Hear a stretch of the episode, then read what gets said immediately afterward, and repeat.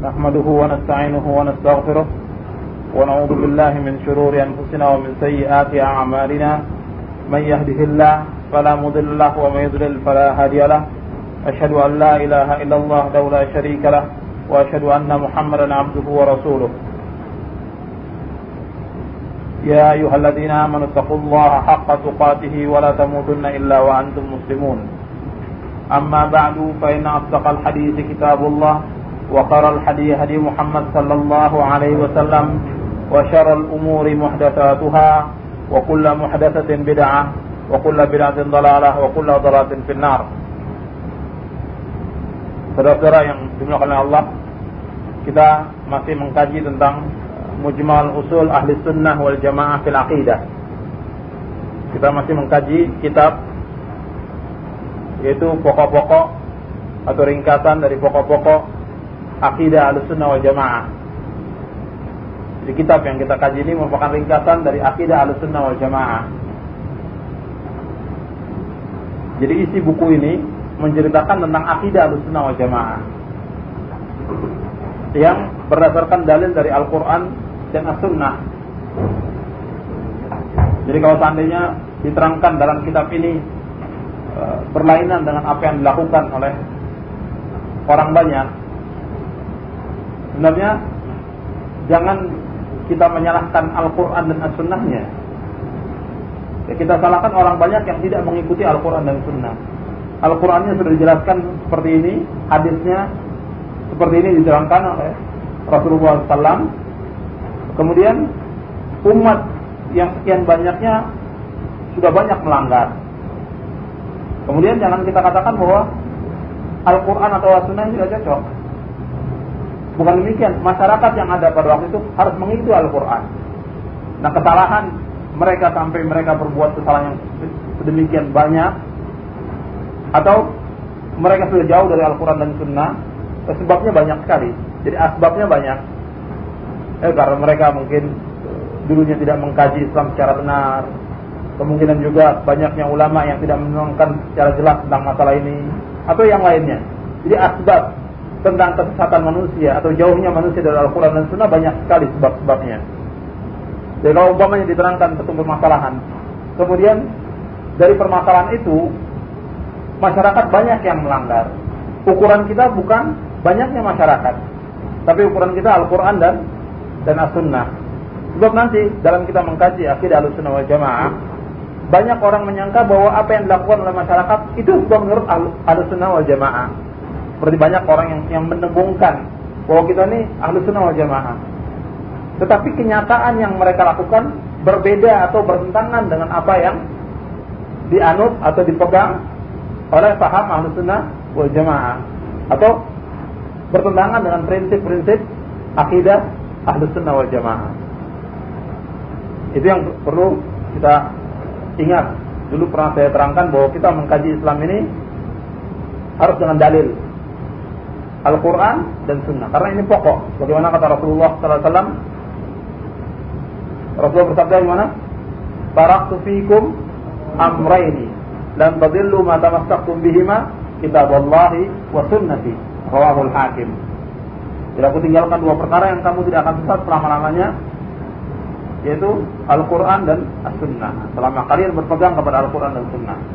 Jadi pokok kita dalam mengkaji Islam ini Al-Quran dan As-Sunnah sekarang kita lanjutkan masih dalam Tauhidul Ibadah Pengkajian kita masih Tauhidul Ibadah di halaman yang ke-16. Pada pekan yang lalu kita sudah bahas tentang masalah tabarruk. Sekarang masuk ke nomor 12. Nomor 12 di halaman 16. Af'alun nasi indal kuburi wa ziyaratiha salasatu anwa' Al-awwal masyru'un وهو زيارة القبور لتذكر الآخرة وللسلام على أهلها والدعاء لهم Perbuatan yang dilakukan oleh manusia af'alun nas, perbuatan yang dilakukan oleh manusia indal kubur yaitu dikubur indal kubur dikubur wa ziyaratiha. Artinya indal kuburnya itu di pemakaman. Indal kubur di pemakaman. Jadi perbuatan yang dilakukan oleh manusia di pemakaman wa ziyaratiha. Dan ziarah. Ziarah kubur. Dan indal kubur ini bisa bermakna luas. Artinya yang berkaitan dengan tentang masalah kubur hal-hal yang berkaitan tentang masalah uh, apa? Kematian. Wa ziyaratiha dan hal-hal yang berkaitan dengan masalah ziarah. Ziarah kubur maksudnya. Ini ada tiga macam. Salah satu anwa. Ada tiga macam. Yang pertama masyru. Jadi ada perbuatan manusia yang dilakukan oleh manusia memang ada nasnya, ada syariatnya, masyru, disyariatkan. Wa huwa ziaratul kubur. Yang disyariatkan ziaratul kubur. Tujuannya dari ziaratul kubur ini tujuan dari ziaratul kubur ditazakkuril akhirah. Untuk mengingat akhirat. Ditazakkuril akhirah untuk mengingat akhirat walissalami ala ahliha. Dan untuk mengucapkan salam kepada penghuninya penghuni kubur. Wa du'a lahum. Dan mendoakan mereka dan mendoakan ahli kubur. Di di dalam hadis itu memang disebutkan tentang ziarah kubur. Dianjurkan kita untuk ziarah kubur dan itu disyariatkan. Jadi perbuatan manusia di sisi kubur itu atau perbuatan manusia yang berkenaan tentang masalah e, di pemakaman itu yang dimasyruhkan, yang disyariatkan di sini disebutkan ziaratul kubur. Yang disyariatkan ziaratul kubur. Tujuannya apa? Di sini disebutkan tiga. Ziarah kubur itu tujuannya yang pertama untuk mengingat akhirat. Yang kedua, untuk mengucapkan salam. Yang ketiga, yaitu untuk mendoakan mereka. Di dalam hadis Rasulullah SAW tentang masalah ziarah kubur ini Rasulullah bersabda, An Buraidah bin Al-Husayn radhiyallahu an qala qala Rasulullah sallallahu alaihi wasallam inni kuntu nahaitukum an ziyaratil kubur fazuruha فإنها تذكركم الآخرة وتزدكم زيارتها خيرا. فمن أراد أن يزور فليزر ولا تقول هجرة. رواه مسلم وأبو داود والبيهقي والنسائي وأحمد. Dari Buraidah bin Al-Husayn. Mudah Allah meridainya, ia berkata, telah bersabda Rasulullah sallallahu alaihi wasallam, "Inni kuntu nahaitukum an ziyaratil kubur." Aku dulu pernah melarang kamu untuk ziarah kubur. Fazuruha. Maka sekarang ziarahlah kamu. Ziarahlah kubur. Ziarahi kubur itu. Fa innaha tuzakkirukumul akhirah. Karena ziarah kubur itu mengingatkan kamu kepada akhirat. Wa tazidkum ziyaratuha khairah dan ziarah kamu ke kubur itu akan menambah kebaikan bagi kamu. Kalau dengan niat untuk mengingat kepada akhirat atau melaksanakan sunnah Nabi itu akan menambah dari ziarah itu kebaikan. Faman arada ayyazura falyazur dan barang siapa yang ingin ziarah hendaklah dia ziarah ke kubur. Wala taqulu hujra dan janganlah dia berkata hujur. Al-hujr menurut Imam An-Nawawi al-kalamul batil Al-hujar itu artinya perkataan yang batil. Perkataan yang tidak benar. Jadi umpamanya seperti meratap di kubur atau kemudian mengatakan dalam ayat ini sudah jelas ya tidak bisa menjawab apa-apa. Kemudian dia mengatakan atau berandai-andai kalau seandainya kamu masih hidup kami tidak akan begini atau segala macam dia ucapkan di kubur itu. Nah, ini tidak dibolehkan kalimat-kalimat jahiliyah atau kalimat-kalimat yang membawa kepada penyesalan. Ini hujur, tidak dibolehkan menurut syariat Islam. Wala taqulu hujrah. Di sini disebutkan dulu aku pernah melarang kamu. Ya, Nabi pernah melarang ziarah kubur. Karena pada waktu itu masanya e, dekat dengan zaman jahiliyah. Zaman jahiliyah itu orang biasa ziarah kubur, kemudian mereka minta-minta dikubur. Kemudian mengagungkan dan menyembah orang-orang yang dikubur. Dan kadang-kadang yang jelas dalam ayat disebutkan bahwa mereka memakai orang-orang yang dikubur itu sebagai wasilah untuk mendekatkan diri kepada Allah. Yang kemudian dengan itu mereka bangun patung-patung untuk mendekatkan diri kepada Allah. Itu sejak zaman Nabi Nuh disebutkan dalam Al-Quran. Zaman Nabi Nuh, orang-orang soleh itu dibangun kuburannya, dibuat seperti asnam, patung-patung yang kemudian disembah oleh orang-orang yang selanjutnya. Nabi ketika mengajak para sahabat untuk masuk Islam. Tadinya mereka orang-orang kafir kemudian diajak masuk Islam. Awal-awal Islam itu dilarang untuk ziarah kubur. Dikhawatirkan mereka akan melakukan penyembahan seperti yang dilakukan oleh umatnya Nabi Nuh dan selanjutnya. Umat-umat berikutnya itu. Nabi larang kemudian Nabi melihat mereka sudah kuat Nabi suruh untuk ziarah ke kubur. Karena ziarah kubur itu sudah kirukumul akhirat, mengingatkan kepada akhirat. Jadi orang yang ziarah kubur terus melihat dirinya bahwa dia akan mengalami mati seperti orang-orang yang dikubur itu. Mesti diingat demikian. Jadi jangan bukan mujarab uh, ziarah saja, bukan semata-mata ziarah kemudian selesai begitu saja. Seperti banyak juga kita lihat orang-orang yang ziarah kubur tapi tidak mengingatkan dia kepada mati. Begitu pulang dari tempat ziarah dari kubur dia melakukan maksiat lagi bahkan yang lebih besar. Nauzubillah. Jadi mengingatkan kepada akhirat semakin hari semakin takut dia kepada Allah. Bahkan dalam riwayat yang lain, ziarah kubur itu membuat hati ini rakit, jadi lembut, tidak kasar. Hati ini akan ingat selalu kepada Allah dan ingat kepada mati. Sehingga dengan ingat demikian, dia banyak beramal saleh. Dalam riwayat yang lain disebutkan demikian. Maka di sini dikatakan dengan ziarah kamu akan mendapatkan kebaikan. Ziarah kubur itu akan mendapatkan kebaikan maka disuruh untuk ziarah kubur. Dianjurkan oleh Rasulullah SAW untuk ziarah kubur. Kemudian di sini disebutkan bitadzakuril akhirah. Ya, ini disebutkan dalam hadis untuk mengingat akhirat. Kemudian yang kedua wassalam. Mengucapkan salam. Jadi orang yang ziarah kubur harus tahu bagaimana mengucapkan salam ketika masuk ke pemakaman. Dalam hadis disebutkan, di sini saya tulis hadis yaitu Assalamualaikum ahlat diyar minal mu'minin wal muslimin wa inna insyaallah lalahiqun. As'alullah lak as'alullah lana wa lakumul afiyah.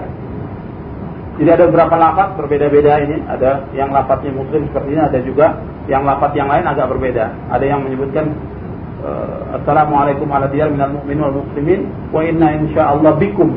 Ada tambahan bikum dalam riwayat yang lain. Jadi Assalamualaikum ala diyar minal mu'minin wal muslimin wa inna insyaallah lalahiqun. As'alullah lana wa lakumul afiyah. Ini yang pendek ini. Ada yang lebih panjang lagi. Ada sini diriwayatkan oleh Muslim dan Ibnu Majah.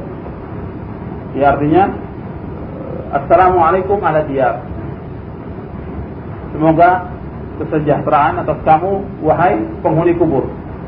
Minal mu'minin wal muslimin. Pada orang-orang mukmin dan muslimin. Wa inna insyaallah lalahiqun. Dan sesungguhnya kami insyaallah akan berjumpa dengan kamu. Lalahiqun akan berjumpa dengan kamu. Akan bertemu dengan kamu atau akan menyusul kamu. Lalahiqun kami akan menyusul kamu. As'alullah alana wa lakumul afiyah. Aku minta kepada Allah untuk kami dan untuk kamu al-afiyah keselamatan. Selamat pada waktu dikubur, artinya dari dari siksaan, kita perlindungan dari Allah dari siksaan kubur, selamat juga nanti dalam perhitungan di padang mahsyar.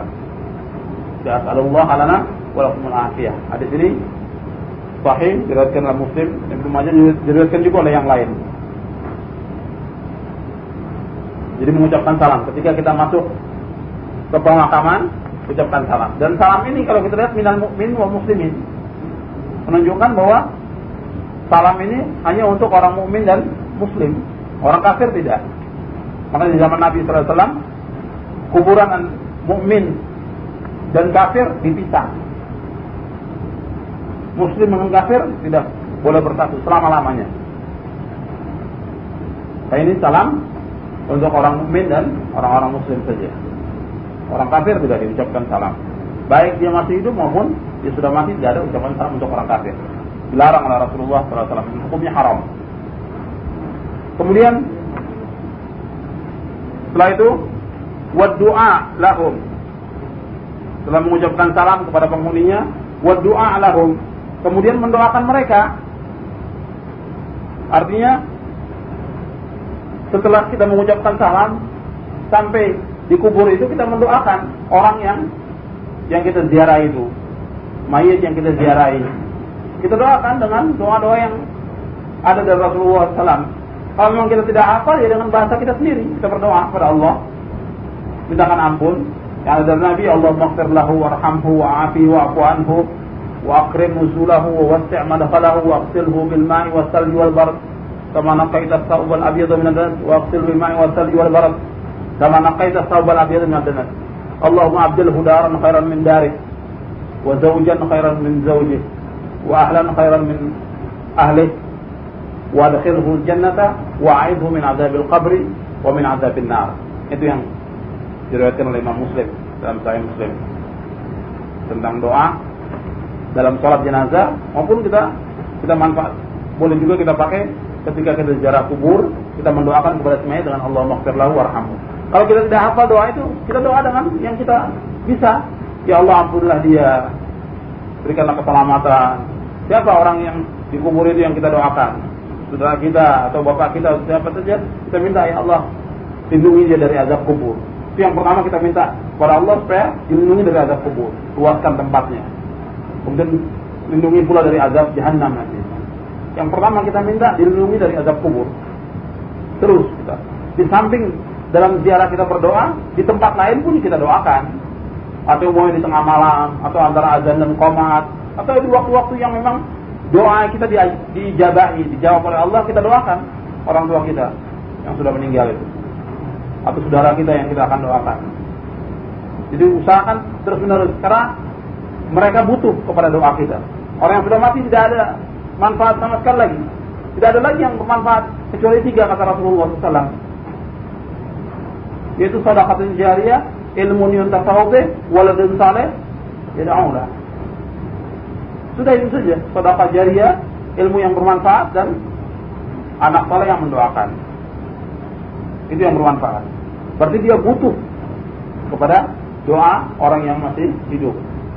Mayit ini yang butuh kepada doa orang yang masih hidup. Dan Rasul menganjurkan, maka di waktu sholat jenazah Rasul menganjurkan ikhlaskan doa untuk mayit ini. Waktu Rasulullah uh, di pemakaman juga ingatkan kepada para sahabat, ikhlaskan doa kepada orang yang dikubur ini, yang sedang ditanam ini. Fa innahul ana yus'al kata Rasulullah. Karena sungguhnya dia sekarang sedang ditanya oleh Allah. Itu saja yang ada, yang dimasyariatkan demikian. Ziarah untuk mengingatkan mengingatkan kita kepada akhirat, mengucapkan salam dan doa.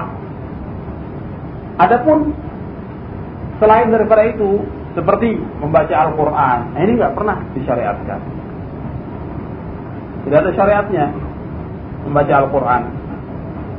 Mungkin ada orang merasa, saya lihat banyak orang yang melakukan.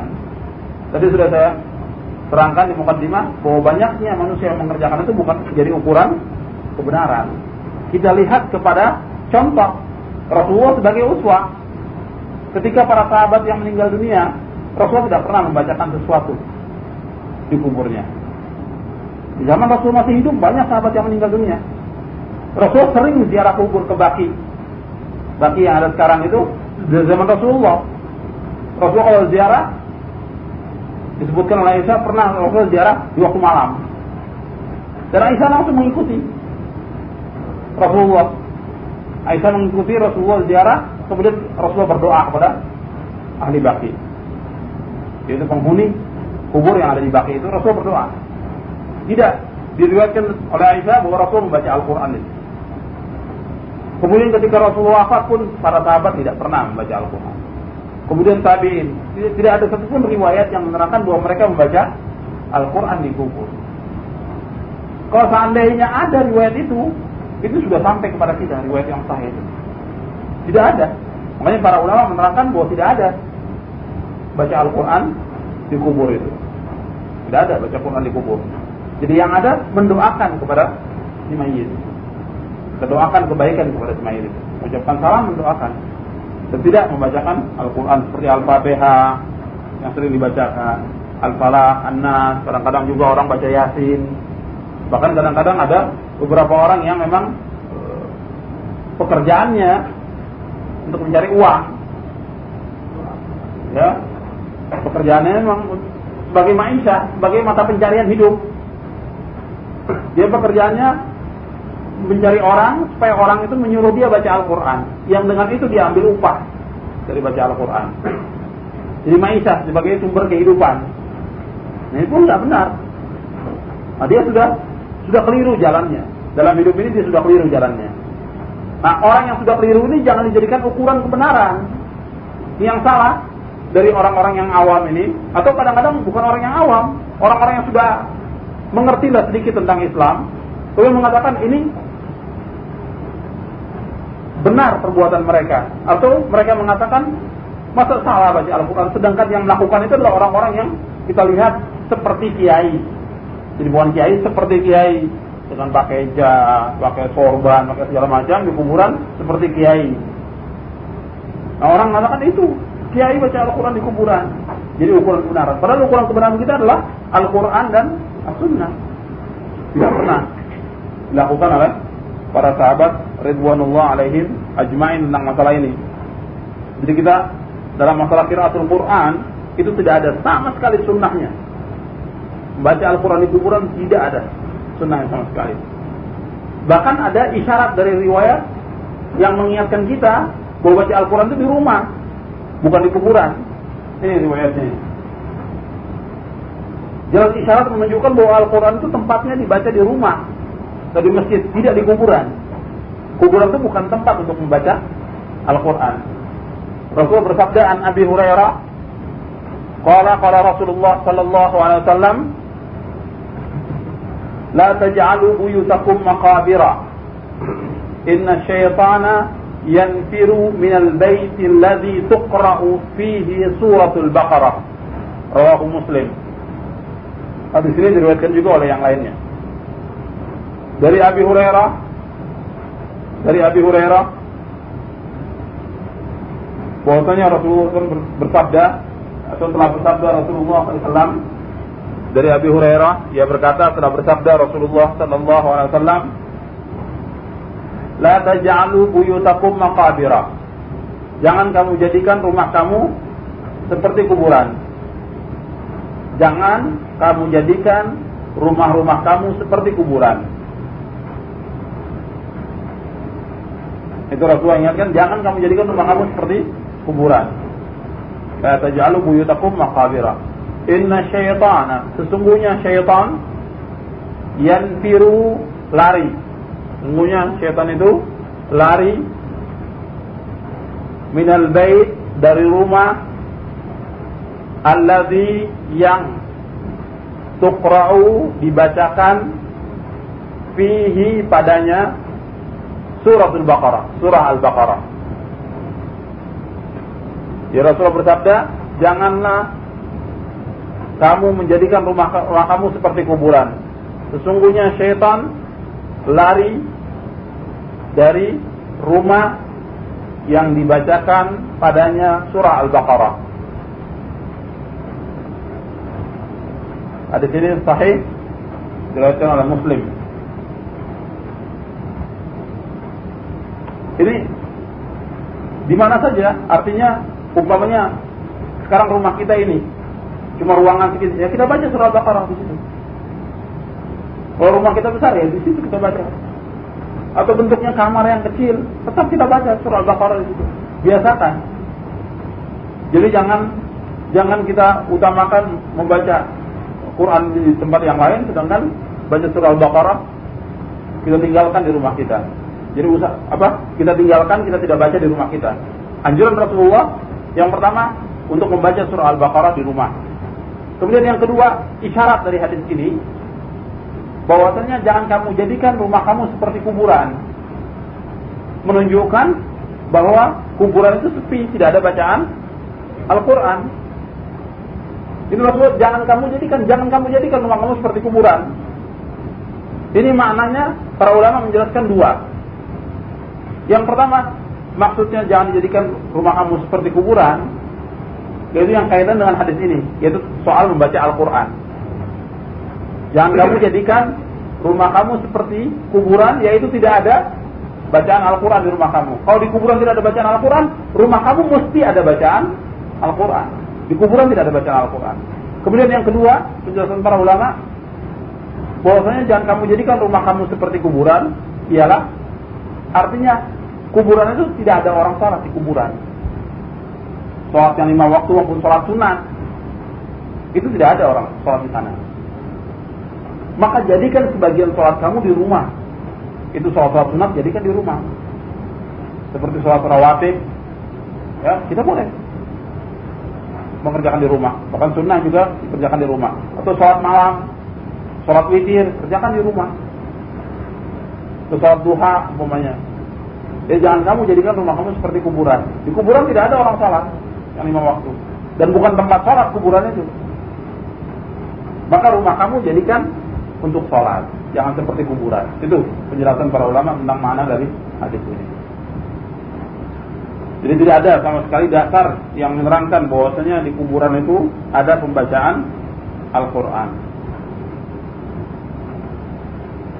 Bahkan eh, jumhur salaf itu menerangkan tentang tidak adanya bacaan sama sekali di sisi kubur. Itu disebutkan oleh para imam bahwa tidak ada penjelasan sama sekali tentang masalah membaca Al-Quran. Bahwa mereka mengatakan bahwa tidak ada bacaan Al-Quran di kubur. Bahkan diriwayatkan juga bahwa Imam Syafi'i itu menganggap bahwa membaca Al-Quran di kuburan itu termasuk beda. Seperti perkataan Syekhul Islam Ibnu Taimiyah dalam kitabnya Iqtida Shiratal Mustaqim, dia mengatakan wala yuhfadu 'an Syafi'i nafsihi fi hadhihi al-mas'alah kalamun wa dzalika li anna dzalika kana 'indahu bid'ah. وقال مالك ما علمت أحدا يفعل ذلك فعلم أن الصحابة والتابعين ما كانوا يفعلونه jadi dikatakan oleh Syekhul Islam itu tidak ada dari Imam Syafi'i dari pribadi Imam Syafi'i perkataan tentang masalah ini. Artinya mengatakan bahwa dibolehkan baca Al-Quran tidak ada perkataan Imam Syafi'i. Ini menunjukkan bahwasanya Imam Syafi'i berpendapat membaca Al-Quran di kuburan itu beda. Bahkan Imam Malik mengatakan Imam Malik gurunya Imam Syafi'i. Imam Malik gurunya Imam Syafi'i mengatakan ma'alim tu ahadan yaf'alu dzalik. Tidak ada Aku tidak tahu bahwasanya seorang melakukan demikian. Artinya Imam Malik mengatakan tidak ada seorang pun yang melakukan demikian. Dari kalangan sahabat, tabi'in dan tabi'ut tabi'in tidak ada yang melakukan demikian. Ini menunjukkan bahwasanya para sahabat dan tabi'in tidak pernah melakukan demikian. Tidak ada riwayat menerangkan bahwa ada seorang sahabat baca Al-Quran di kuburan. Apalagi yang banyak satu orang sih tidak ada riwayat yang menerangkan demikian. Ini penjelasan para imam tentang masalah ini. Ya, jumhur salaf, ya, para ulama salafus dari kalangan sahabat dan tabi'in dan tabi'in tabi'in menerangkan bahwasanya tidak ada bacaan Al-Qur'an di kuburan. Ya cukup kita ziarah saja, doakan, mengucapkan salam dan mendoakan. Ya tidak ada membacakan Al-Qur'an di kuburan. Membacakan Yasin atau yang lain tidak ada. Dan ini saya terangkan demikian menurut penjelasan para ulama. Artinya bukan pendapat saya tentang masalah ini. Yang kedua itu yang disyariatkan, saya katakan tiga, yaitu jarak kubur untuk mengingat akhirat, mengucapkan salam dan berdoa. Selain itu tidak ada. Kemudian yang kedua, bid'i. Jadi hal yang perbuatan manusia di sisi kubur yang beda. Yunafi kamal tauhid wa huwa wasilatun min wasail syirk wa huwa qasdu ibadati Allah ta'ala wa huwa qasdu عبادة الله تعالى وتقرب إليه عند القبور أو قصد التبرك بها أو إهداء الثواب عندها والبناء عليها وتجسيسها وإسراجها واتخاذها مساجد وشد الرحال إليها ونحو ذلك مما ثبت النهي عنه أو مما لا أصل له في الشرع yang kedua itu perbuatan manusia yang ber, yang dilakukan di pemakaman atau yang berkaitan dengan masalah kubur ini ini ada yang ada yang syariatkan yang kedua ini yang beda yang kedua ini yang dilakukan manusia yang perbuatan ini perbuatan bid'ah. Yunafi kamal tauhid.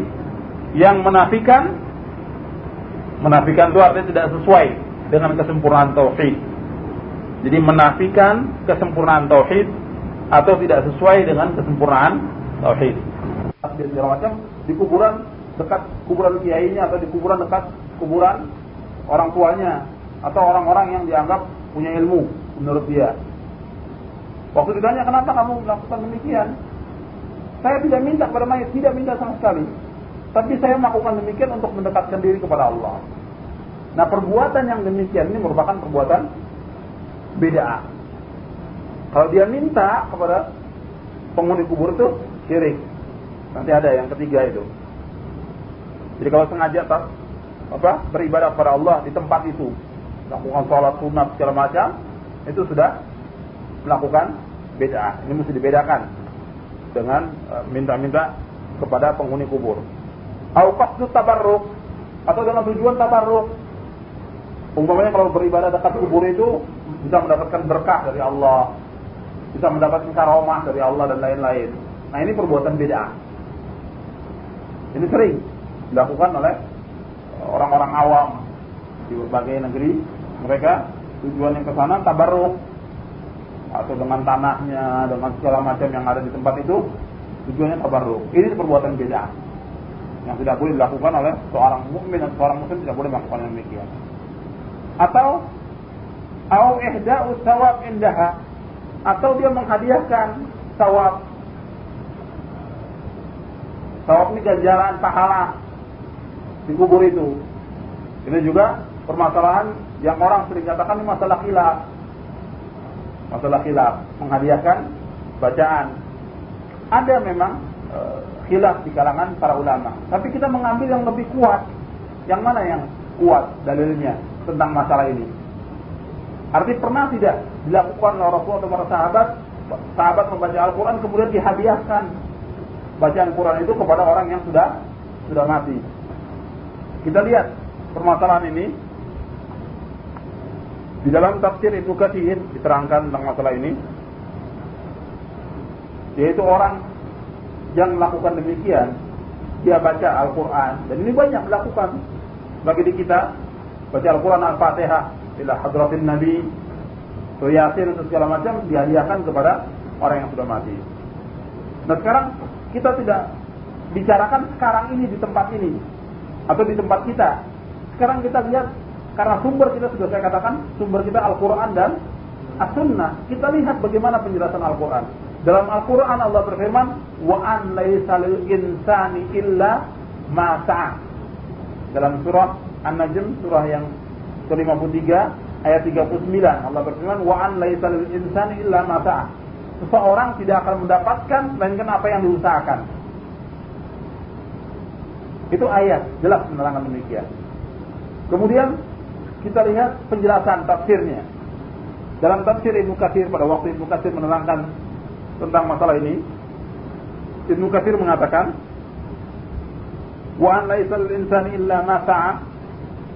Al-Hafidz Ibnu Katsir menerangkan tafsir dari "Wa an laisa insani ma sa'a" ay kama la yuhmalu alaihi wizru ghairihi. La yahsulu min al-ajri illa kasabahu wa li nafsihi.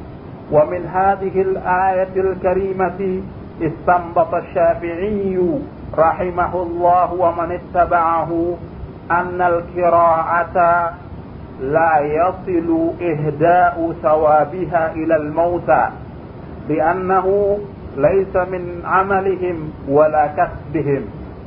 ولهذا لم يندب إليه رسول الله صلى الله عليه وسلم أمته. ولهذا لم لم يندب إليه رسول الله صلى الله عليه وسلم أمته ولا حثهم عليه ولا أرشدهم إليه بنص ولا إيماء ولم ينقل ذلك عن أحد من الصحابة رضي الله عنهم. ولو كان خيرا لسبقون إليه. وباب القربات يقتصر فيه على النصوص ولا يتصرف فيه بأنواع الأقيسة والآراء. Berkata Ibnu Katsir, sebagaimana tidak boleh dosa itu dibebankan kepada orang lain. Jadi kalau seseorang berbuat dosa, tidak bisa dosa ini dilemparkan kepada orang lain, tidak bisa. Begitu pula ganjaran. Kalau seorang berbuat ganjaran, berbuat pahala, atau mengamalkan amal saleh dapat ganjaran, tidak bisa ditimpakan atau dilimpahkan kepada orang lain. Sebagaimana perbuatan dosa tidak bisa dilimpahkan kepada orang lain. Demikian pula ganjaran tidak akan didapati melainkan apa-apa yang orang itu usahakan untuk dirinya sendiri. Wa min hadil ayatil karimah dari ayat yang mulia ini Imam Syafi'i mengambil dalil. Imam Syafi'i jadi orang yang mengatakan mazhab Syafi'i ini mesti dengar ini. Perkataan Imam Syafi'i. Imam Syafi'i mengambil dalil Imam Syafi'i rahimahullah wa man dan pengikut-pengikut mazhab Syafi'i Imam Syafi'i mengambil dalil dan pengikut mazhab Syafi'i mengatakan annal qira'ata bahwa sesungguhnya bacaan bacaan Al-Qur'an la yasilu tidak akan sampai ihda'u sawabiha ilal mauta. Jadi bacaan Al-Qur'an tidak akan sampai ganjarannya hadiah itu tidak akan sampai. Jadi menghadiahkan pahalanya kepada orang yang sudah mati tidak akan sampai. Itu penjelasan Imam Syafi'i dan pengikut Syafi'i. Ini Syafi'i yang asli ini. Ya. Jadi Imam Syafi'i mengatakan bahwa tidak akan sampai pahala. Jadi menghadiahkan pahala bacaan Al-Quran kepada orang yang mati tidak akan sampai. Li'annahu karena apa? Kata Imam Syafi'i, laisa min amalihim wala kasbih bukan dari amal mereka dan bukan dari usaha mereka. Orang mayit itu tidak baca Al-Quran, dia baca, dia dapat pahala dari bacaan Al-Quran pada waktu dia masih hidup. Setelah dia mati sudah selesai inqata amaluhu.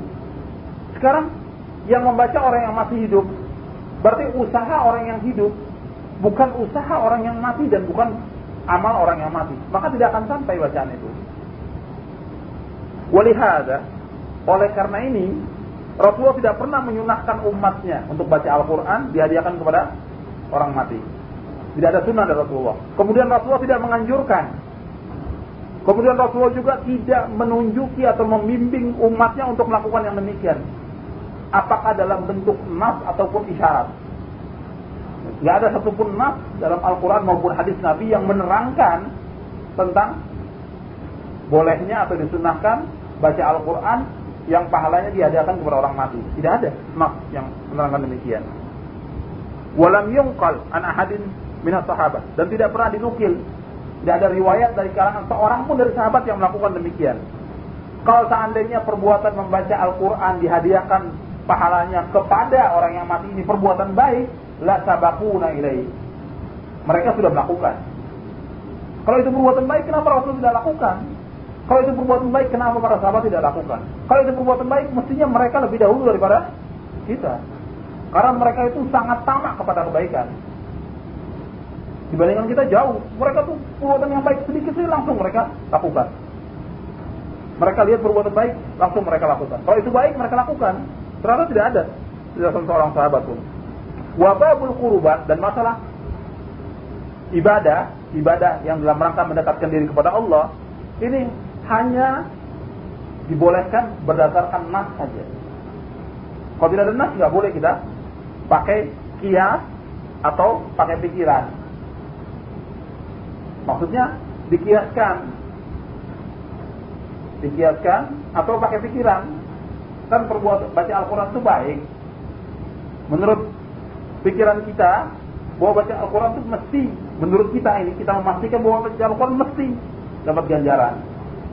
Memang ada riwayat yang menerangkan demikian bahwa baca Al-Quran itu mendapatkan ganjaran. Tapi kita memastikan diri kita dengan baca Al-Quran pasti kita dapat Al-Quran. Belum tentu kan kitanya. Nabi menerangkan bahwa baca Al-Quran dapat ganjaran. Dia bagi macam-macam orang yang baca Al-Quran. Ada yang ikhlas, ada yang tidak ikhlas. Yang dapat ganjaran itu yang bagaimana kita tidak tahu. Tapi baca Al-Quran kita terangkan sudah dapat ganjaran. Tapi kita mengatakan diri kita dapat ganjaran, kemudian ganjaran ini kita lemparkan atau kita limpahkan kepada orang yang sudah mati. Dari mana kita bisa tahu demikian? Itu kan pikiran, pikiran kita. Atau mengkias kepada ibadah yang lainnya. Dalam Islam tidak bisa kita kiaskan. Sebagaimana salat tidak bisa pahalanya dilimpahkan kepada orang lain. Zakat pahalanya tidak bisa dilimpahkan kepada orang lain. Begitu juga tentang masalah bacaan Al-Quran. Begitu penjelasan para ulama. Termasuk uh, penjelasan Al-Iz bin Abdul Salam dalam Al-Fatawa. Kemudian juga Imam Az-Zubairi dalam kitabnya Syarah Ihya Ulumuddin menerangkan demikian. Bahwasanya uh, para sahabat, para ulama menerangkan para sahabat itu tidak pernah melakukan melemparkan atau melimpahkan ganjaran dari hasil baca Al-Quran itu kepada orang yang sudah mati. Maka yang demikiannya tidak ada sunnah dari Rasulullah SAW. Adapun yang dilakukan orang banyak, kita nggak boleh mengikuti kebanyakan orang di muka bumi. Lihat nasnya atau dalilnya. Quran mengatakan, "Wala taqfu ma laysa laka bi ilmun, inna sama wal basara wal fuada kullu ulaika kana anhu mas'ula. Jangan kamu ikuti apa yang kamu tidak mempunyai pengetahuan. Karena semuanya pendengaran mata dan hati akan ditanya oleh Allah. Semuanya akan ditanya oleh Allah. Jadi kita jangan melakukan atau ikut-ikutan melakukan demikian. Paham ini tentang ihda usawab. Wal bina wa 'alaiha. Membangun kubur ini juga termasuk perbuatan bid'ah, membangun. Jadi jangan kita lihat banyaknya orang. Sekarang kita lihat di sini. Alhamdulillah masih terpelihara sunnah itu. Kuburan itu tidak dibangun. Biasa saja. Tapi di kita sudah mengikuti cara-cara Yahudi dan Nasara. Kuburan itu dibangun. Di sini terangkan lagi watajisi suha dicat kuburan itu di semen. Dia dibangun seperti ini. Kadang-kadang lebih dari bukan sekedar di semen saja pinggirannya, tapi dibangun seperti rumah, dibikin seperti kubah dan lain-lain.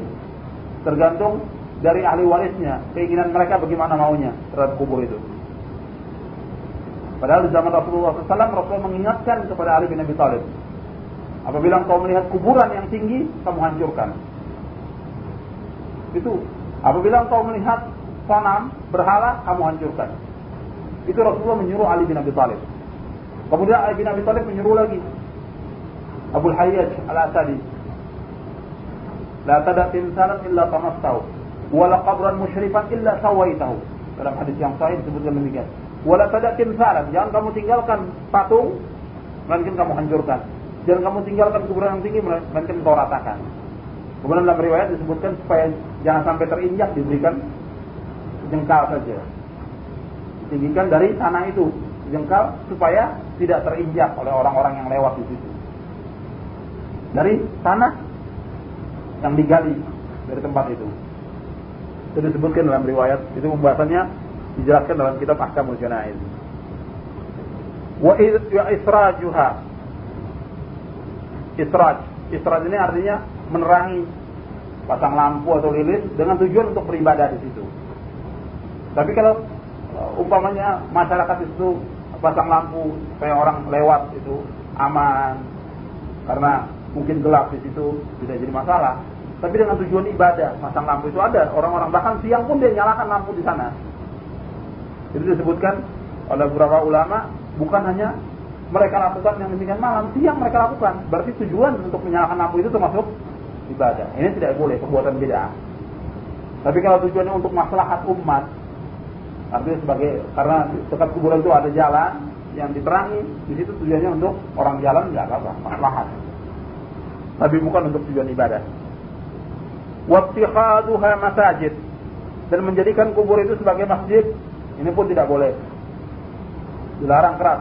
Bahkan Rasulullah SAW lima hari sebelum meninggal dunia mengingatkan ini.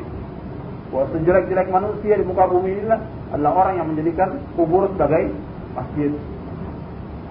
Ya bisa dua. Masjid ini sudah ada masjidnya kemudian di situ dibikin kubur. Seperti umpamanya di situ uh, ada kiai atau ada ulama yang terkenal, nah, dikubur di depan masjid itu. Yang kemudian orang datang minta-minta di sana. Jadi sebabnya terjadi kesyirikan, kebanyakan ya di antaranya itu.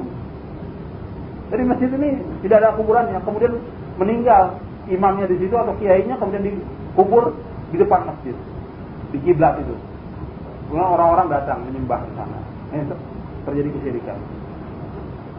Atau tadinya kuburan, Jelas sudah banyak kuburan. Kemudian di kubur itu dibangun masjid. Jadi makna istikhaduha masjid maknanya dua. Bisa menjadikan masjid itu sebagai kubur. Sudah ada masjid, kemudian dikubur satu orang di situ, atau dua orang, atau tiga orang, atau keluarga orang yang mewakafkan dikuburkan di situ, yang kemudian orang minta-minta dikubur. Ini pun tidak boleh. Jadi kubur itu harus di tempatnya, di pemakaman. Yang kedua, ini ada pemakaman, kemudian di pemakaman itu sebagian dari pemakaman itu dijadikan masjid orang sholat di tempat itu. Ini pun tidak dibolehkan. Penjelasan para ulama tentang ini panjang sekali. Dan melakukan yang demikian termasuk perbuatan bid'ah. Wasyaddur rihal ilaiha. Kemudian mengadakan perjalanan. Ini sudah kita bahas pada pekan yang lalu.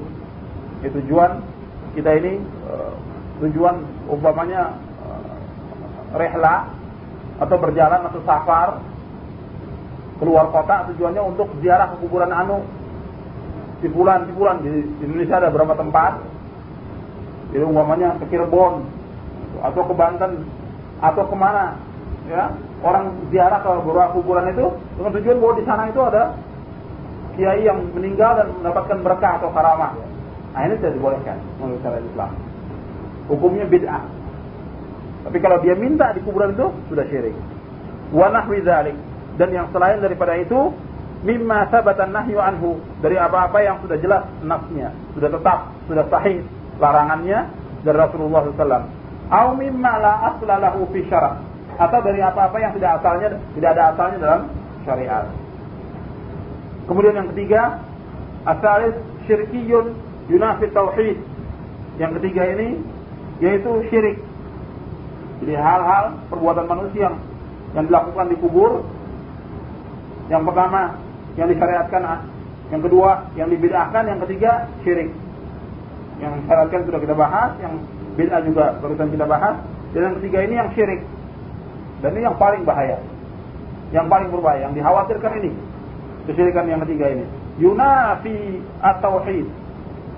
Artinya perbuatan ini tidak sesuai dengan tauhid bertentangan dengan tauhid.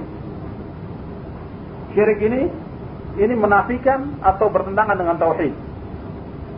Wahwa yaitu sarfu syai'in yaitu memalingkan sesuatu min anwa'il ibadah dari macam-macam ibadah li sahibil qabr kepada penghuni kubur itu.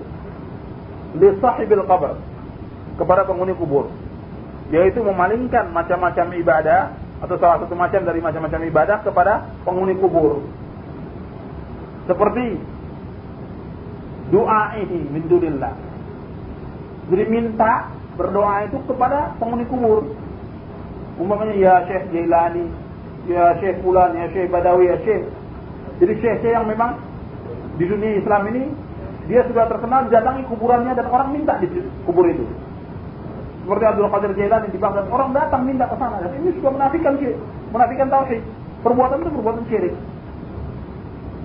Minta kepada kubur itu sudah menafikan tauhid dan orangnya dikatakan syirik dan bisa keluar dari Islam. Kecuali kalau orang itu orang-orang awam yang belum mengerti tentang masalah ini, kita harus jelaskan. Tapi kalau dia sudah mengerti bahwa yang demikian perbuatan itu membuat orangnya juga melakukan syirik. Bisa dikatakan musyrik orangnya. Sebab nanti ada per perbedaan. Perbuatan belum tentu orangnya dikatakan kemudian perbuatan ini kufur, tidak bisa dikatakan orangnya kafir atau perbuatan ini syirik tidak bisa dikatakan orangnya musyrik tidak bisa jadi harus demikian Kecuali kalau sudah diterangkan hujah bahwa ini perbuatan yang tidak boleh, bahwa kita minta kepada Allah saja manusia ini lemah. Kepada yang hidup aja kita tidak boleh. Minta-minta kepada yang hidup dalam artian minta-minta yang di luar kemampuan manusia itu. Seperti minta soal rezeki, soal jodoh, soal segala macam yang memang manusia di luar kemampuan manusia. Minta tidak boleh, apalagi kepada orang yang sudah mati. Jelas ini syirik. Ini mindunillah. Wal isti'anah minta tolong kepada orang yang sudah mati. Ini ada orang-orang yang melakukan demikian. Dalam keadaan sulit, susah, dia datang ke kubur. Dia minta di kubur itu. Jadi ada yang mintanya ke dukun, ada juga yang minta ke ini. Yang dukun sudah kita bahas bahwa sholatnya tidak akan diterima selama 40 hari. Bahkan dia sudah dikatakan kufur dengan apa-apa yang diturunkan kepada Nabi Muhammad sallallahu alaihi wasallam. Wal istighatsah Isti'anah dengan istighatsah, perbedaannya istighatsah ini minta tolong pada waktu dalam keadaan sulit. Umpamanya sudah dagangan sudah hancur, pekerjaan tidak punya, bukannya dia berusaha mencari yang benar malah datang ke kubur. Sulit. Umpamanya ada beberapa orang yang tidak bisa kerja, masuk daftar melamar kerja sudah tidak diterima. Mau ke Saudi tidak bisa, larinya ke kubur minta dikubur. Ah ini syirik yang seperti ini perbuatannya syirik. Atau umpamanya sudah melamar jodoh tidak dapat dapat ditolak terus. Bukannya lari kepada Allah minta kepada Allah istihara, sholat malam dan lain-lain, eh malah lari ke kubur. Oh ini syirik perbuatannya. Sudah putus asa, dia sudah dosa, kemudian melakukan yang demikian. Perbuatan syirik. Kemudian wat tawaf. Ini tawaf termasuk dosa besar yang paling besar ini. Tawaf di kubur. Ini ada beberapa orang yang melakukan demikian. Ada yang melakukan. Bahkan di kita pun ada beberapa orang yang melakukan demikian. Bahkan menyuruh murid-muridnya untuk melakukan tawaf di kubur itu. Ini sudah perbuatan syirkun akbar ini syirik yang besar. Wazabah zabah ini artinya menyembelih mengadakan sembelihan, mengadakan khol atau id, perayaan di kubur itu. Ada orang-orang yang pada waktu id dia tidak rame-rame di rumahnya. Tapi seminggu kemudian dia mengadakan perayaan di di kubur. Id itu diadakan di kubur. Kemudian pesta di kubur. Dan ini dilakukan oleh orang-orang jahiliyah dulu. Ternyata apa yang dilakukan orang jahiliyah masih dilakukan oleh umat Islam sampai sekarang ini. Dan menyembelih untuk tujuan kepada orang yang sudah mati, umumnya disembelih untuk seperti yang saya sebutkan untuk Syekh Abdul Qadir Jalan atau yang lain atau tokoh-tokoh tarekat Allah. Untuk tokoh-tokoh tarekat haram. Untuk orang yang sudah mati hukumnya haram. Bahkan sembelihan itu tidak boleh dimakan menurut ayat. Wala taqulu mimma lam yuzkar ismullahi alaih. Jangan kamu makan apa yang tidak disebutkan nama Allah padanya. Penjelasan ulama dalam masalah ini mufassirin ada yang menerangkan artinya jangan kamu makan apa-apa yang tidak disebutkan nama Allah. Artinya bukan karena Allah dia mengerjakan.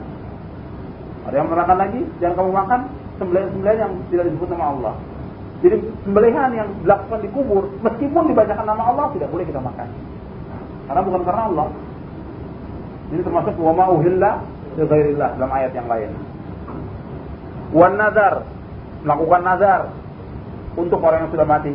Jadi kalau seandainya saya sembuh dari sakit, umumnya ada orang mengatakan kalau saya sembuh dari sakit, saya akan bernadar untuk menyembelih ayam umumnya 10 ekor di tempat itu, di kuburan pulan.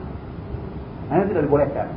Atau kalau seandainya saya sembuh dari sakit, saya mau ziarah, saya mau minta-minta di kubur itu. Ini tidak dibolehkan menurut syariat. Atau mau etika di kubur itu. Ini tidak dibolehkan menurut syariat. Ini semuanya hukumnya syirik perbuatan ini. Tadi sudah saya katakan perbuatan ini syirik tidak menunjukkan bahwa orangnya disebut musyrik. Ini perlu kepada dalil atau penjelasan. Kemudian yang terakhir yang ke-13 al-wasa'il laha hukmul maqasid. Sarana atau perantara ini mempunyai hukum tujuan. Jadi umpamanya seorang waktu diterangkan tentang masalah ini, dia masih tetap melakukan. Saya sebenarnya tidak berniat untuk menghadiahkan bacaan Al-Quran kepada mayit. Cuma saya ingin baca Al-Quran saya di kuburan. Ini sarana yang seperti ini, jalan yang menuju mempunyai tujuan apa? Hukumnya sama dengan tujuan. Sama juga dengan orang yang datang untuk mendekatkan diri kepada Allah dengan perantaraan kubur itu. Sama. Jadi dia tidak niat apa-apa cuma ingin baca saja di kuburan. Tetap tidak boleh. Karena apa? Sarana hukumnya sama dengan tujuan yang akan membawa kepada perbuatan itu. Wa kullu zari'atin ila syirik fi ibadatillah aw al-ibtida' fi din yajibu sadduha wa kullu zari'atin. Jadi setiap ya jalan yang membawa kepada syirik dalam beribadah kepada Allah awil ibtida' fi din atau jalan yang membawa kepada melakukan bid'ah dalam agama yajibu sadduha itu wajib ditutup jalan itu jadi setiap jalan yang membawa kepada syirik, apa saja yang membawa kepada syirik? Setiap jalan yang membawa kepada syirik itu dalam beribadah kepada Allah, setiap jalan yang membawa kepada syirik dalam beribadah kepada Allah atau mengadakan beda dalam agama itu wajib kita tutup jalan itu. Jadi tidak ada alasan ini perbuatan yang baik, untuk pikiran saya baik, saya tidak niat apa-apa, tetap perbuatan itu harus kita larang. Kalau kita termasuk orang yang berpuasa dalam rumah tangga kita, kita usahakan atau dalam masyarakat kita usahakan untuk melarang perbuatan itu. Karena mempunyai hukum tujuan. Perbuatan itu akan membawa kepada syirik yang nantinya kalau mereka sudah berbuat syirik kita ikut berdosa. Karena setiap orang bertanggung jawab terhadap pimpinannya. Kullukum ra'in wa kullukum mas'ulun an ra'iyati. Kalau dia keluar rumah tangga, dia harus larang perbuatan itu. Jangan sampai mereka melakukan yang demikian. Fa inna kulla muhdatsatin fid din bid'ah wa kullu bid'atin dhalalah. Karena sesungguhnya setiap setiap yang baru dalam agama ini bid'ah dan setiap bid'ah ini sesat. Di setiap yang baru dalam agama ini adalah bid'ah dan setiap bid'ah sesat. Dikatakan dalam hadis ini setiap yang baru arti baru dalam syariat, bukan baru dalam bentuk dunia. Seperti soal TV, soal apa lampu, soal mobil, soal kapal terbang itu tidak masuk dikatakan bid'ah dalam agama. Ini sering ada orang-orang yang, pada waktu diingat tentang masalah bid'ah kemudian dia membela perbuatan bid'ah itu dengan alasan buktinya ini mobil tidak ada zaman Rasulullah. Jadi membela diri yang membela diri yang salah perbuatan itu. Sebenarnya ini masalah keduniaan. Antum alamu bi umuri dunia pun. Yang dimaksud muhdasa hal yang baru ini dalam agama. Ini yang Nabi tidak lakukan, dilakukan. Umpamanya sholat, jelas lima waktu. Kemudian ada orang menambah. Ini lima waktu kurang, saya tambah lagi dengan sholat yang enam waktu. Nah ini nggak benar. Lakukan. Kemudian sholat yang sunnah-sunnah sudah dijelaskan oleh Rasulullah. Kemudian dia mengadakan sholat tertentu, seperti sholat rawaiib dan bulan rajab. Jelasnya ada dari Nabi. Atau hal-hal yang sudah sempurna Islam ini, kemudian mereka mengadakan hal yang baru. Yang ini yang dikatakan beda. Dan setiap perbuatan beda sesat. Dan setiap kesesatan kembali neraka. Kata-kata kullu bid'atun dalalah wa kullu dhalatin finnar itu tidak ada istilah pengecualian atau sebagian bid'ah. Baik, sebagian bid'ah like, eh, sebagian bid'ah itu baik, sebagian bid'ah sesat. Tidak ada. Nabi katakan kullu bid'ah. Setiap bid'ah, berarti semuanya. Tidak ada bid'ah yang ini tidak sesat, yang ini sesat tidak ada. Semua kullu bid'atin dalalah wa kullu finnar. Itu sabda Rasulullah SAW. Dan hadis ini sahih. Makanya Rasulullah mengingatkan terus dalam masalah ini tentang masalah bid'ah setiap Jumat. Di mimbar itu Rasulullah mengingatkan. Seperti saya sering bacakan amma ba'du fa inna asdaqal hadis kitabullah wa khairul hadi Muhammad wa syarrul umuri muhdatsatuha wa kullu muhdatsatin bid'ah wa kullu bid'atin dhalalah wa kullu dhalalatin finnar. Terus diingatkan oleh Rasulullah. Karena berbahaya. Kalau orang sudah melakukan bid'ah yang sunnah-sunnah itu hilang. Ini saja yang perlu saya sampaikan. Mudah-mudahan yang kita kaji pada malam ini bermanfaat dan dapat kita amalkan. Tutup dulu. Hmm? Pada asalnya Masjid Nabawi, ya kuburan Nabi itu, kuburan Nabi di rumahnya. Rumahnya itu sebelah dengan masjid. Kemudian pada zaman para khalifah, orang semakin banyak. Sedangkan mereka harus melakukan sholat Jumat di masjid yang besar, di masjid Rasulullah. Nah, ini tidak cukup tempatnya. Akhirnya dibesarkan, dibesarkan sehingga masuk rumah Nabi itu ke dalam masjid. Dikubur bukan dikubur, dikubur itu bukan di masjid, tapi di rumah Aisyah Rasulullah dikubur. Kemudian pada zaman Abu Bakar, Abu Bakar dikuburkan juga di situ. Ya Rasulullah memang sudah memberikan isyarat bahwa aku dikubur bersama dua sahabat, yaitu Abu Bakar dan Umar. Dikuburkan sama-sama. Pada zaman Umar sudah meninggal, dikubur demikian. Kemudian pada zaman Khalifah sesudah Muawiyah, itu sesudah Muawiyah ini masanya sudah jauh. Sudah masa Ali, kemudian Muawiyah, sesudah itu. Kalau tidak zaman Khalifah Abdul Malik diperluas sehingga masuk rumah Nabi ini ke dalam masjid. Dan para sahabat mengingkari perbuatan itu.